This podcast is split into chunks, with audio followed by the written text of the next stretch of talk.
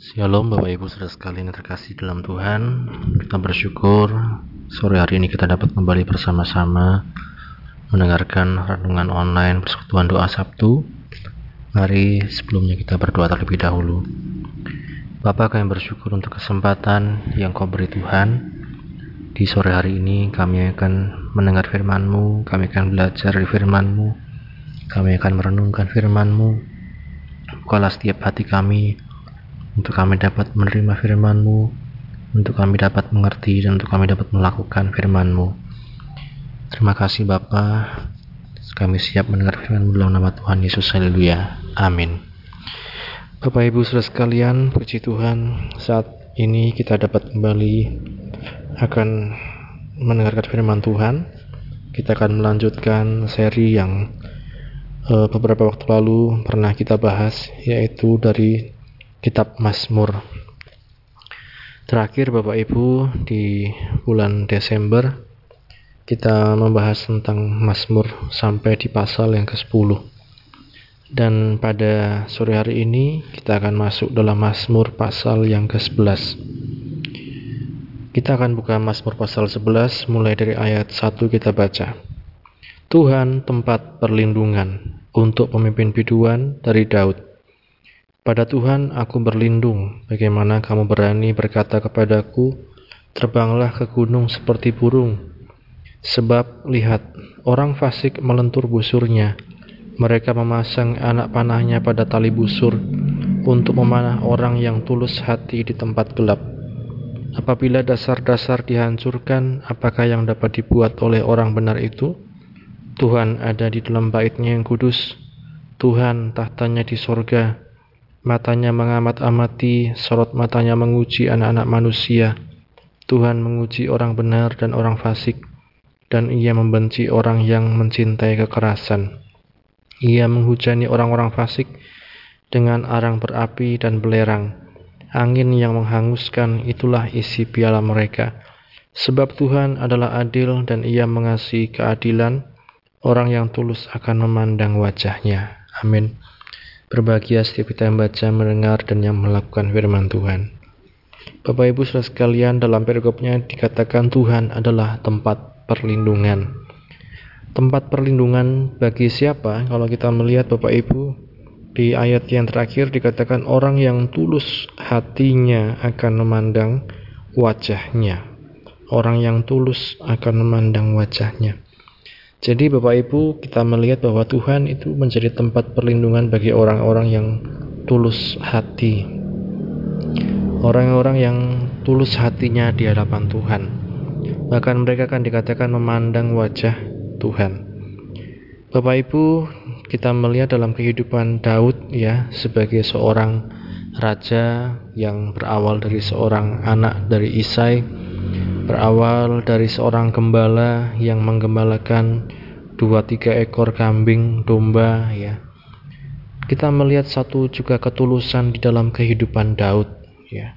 Kita melihat bagaimana perjalanan hidup Daud Bapak Ibu diwarnai berbagai macam tantangan diwarnai berbagai macam masalah. Tapi kita melihat dia mempertahankan bagaimana hatinya itu tulus di hadapan Tuhan Meskipun juga kita melihat dia pernah berbuat salah, dia pernah jatuh di dalam dosa, tapi dia tetap tulus mengakui dosanya dan kembali kepada Tuhan. Nah, ini Bapak Ibu menjadi pelajaran untuk kita sekalian dalam menjalani kehidupan kita sebagai anak-anak Tuhan. Kita belajar untuk menjadi orang-orang yang tulus, ya. Orang-orang yang dikatakan itulah dilindungi oleh Tuhan, ya. Meskipun dikatakan banyak orang yang mungkin akan meremehkan. Banyak orang yang akan mungkin apa membuat kita tidak enak ya. Banyak orang yang mungkin akan berusaha mempermalukan kita dan lain-lain. Tetapi firman Tuhan katakan tetaplah tulus di hadapan Tuhan.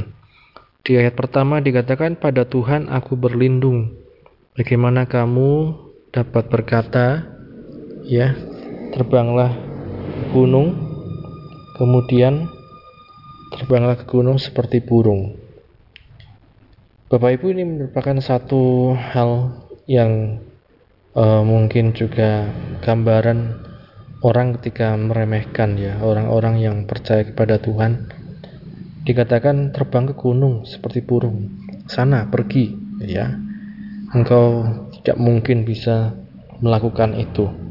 Tapi kita lihat Bapak Ibu pada Tuhan saja kita berlindung meskipun ada orang yang mungkin meremehkan orang yang mungkin ingin mencelakakan orang yang ingin permalukan dan lain-lain. Firman Tuhan katakan tetaplah tulus di hadapan Tuhan. Sebab dikatakan ada seorang selain tulus dikatakan ada orang fasik.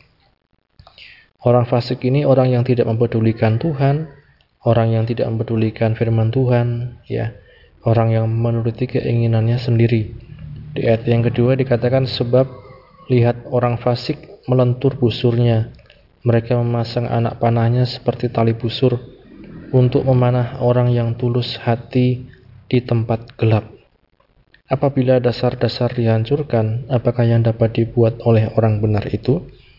Nah ini Bapak Ibu saudara sekalian, orang fasik berusaha dikatakan mencelakakan orang yang tulus, dikatakan orang fasik melentur busurnya, memasang anak panahnya pada tali busur, memanah orang yang tulus hati di tempat gelap. Ya, jadi benar-benar merencanakan satu kejahatan, benar-benar merencanakan, merencanakan satu kecelakaan kepada orang yang tulus hati tersebut. Apakah apabila dasar-dasar dihancurkan, apakah yang dapat dibuat oleh orang benar itu? Ya, Bapak Ibu saudara sekalian, apa pun kita melihat Bapak Ibu di sini yang diperbuat orang fasik, dikatakan dia berusaha menghancurkan.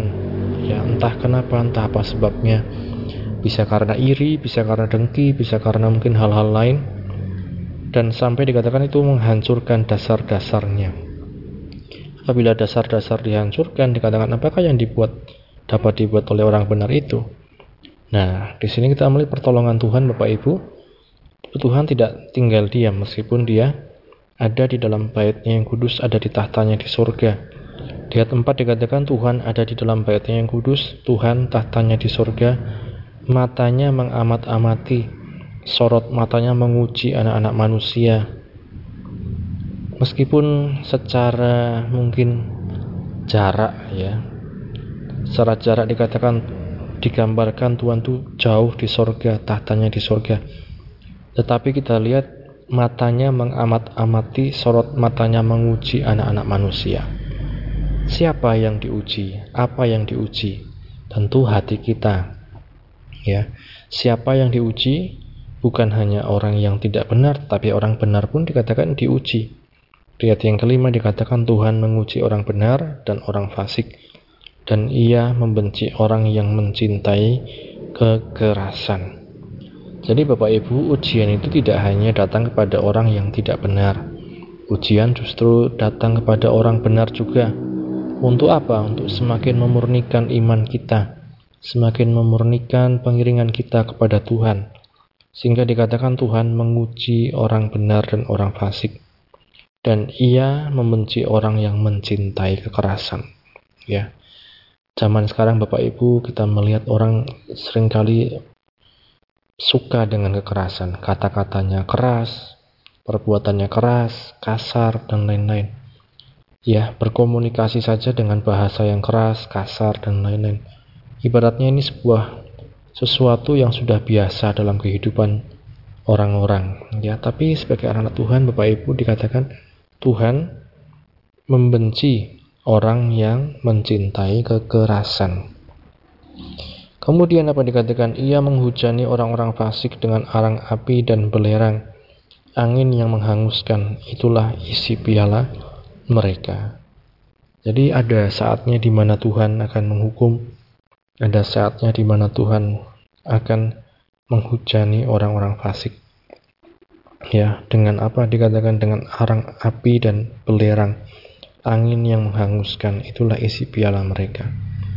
Nah, demikian juga dalam kita menantikan kedatangan Tuhan Bapak Ibu, dalam 2 Petrus 3 ayat 10 dan seterusnya dikatakan, ia sabar ya terhadap kita sekalian supaya dikatakan tidak ada orang yang binasa. Suatu saat nanti dikatakan bumi akan lenyap unsur-unsur dunia akan hangus ya dalam nyala api. Ya itulah dikatakan penghukuman bagi orang-orang yang tidak percaya kepada Tuhan. Penghukuman bagi orang-orang fasik yang tidak mempedulikan firman Tuhan kebenaran. Dan kita melihat di sini Bapak Ibu Saudara sekalian, Tuhan dikatakan ayat yang ketujuh adalah adil dan ia mengasihi keadilan. Orang yang tulus akan memandang wajahnya. Ya, sekali lagi Bapak Ibu sekalian jadilah orang yang tulus, ya.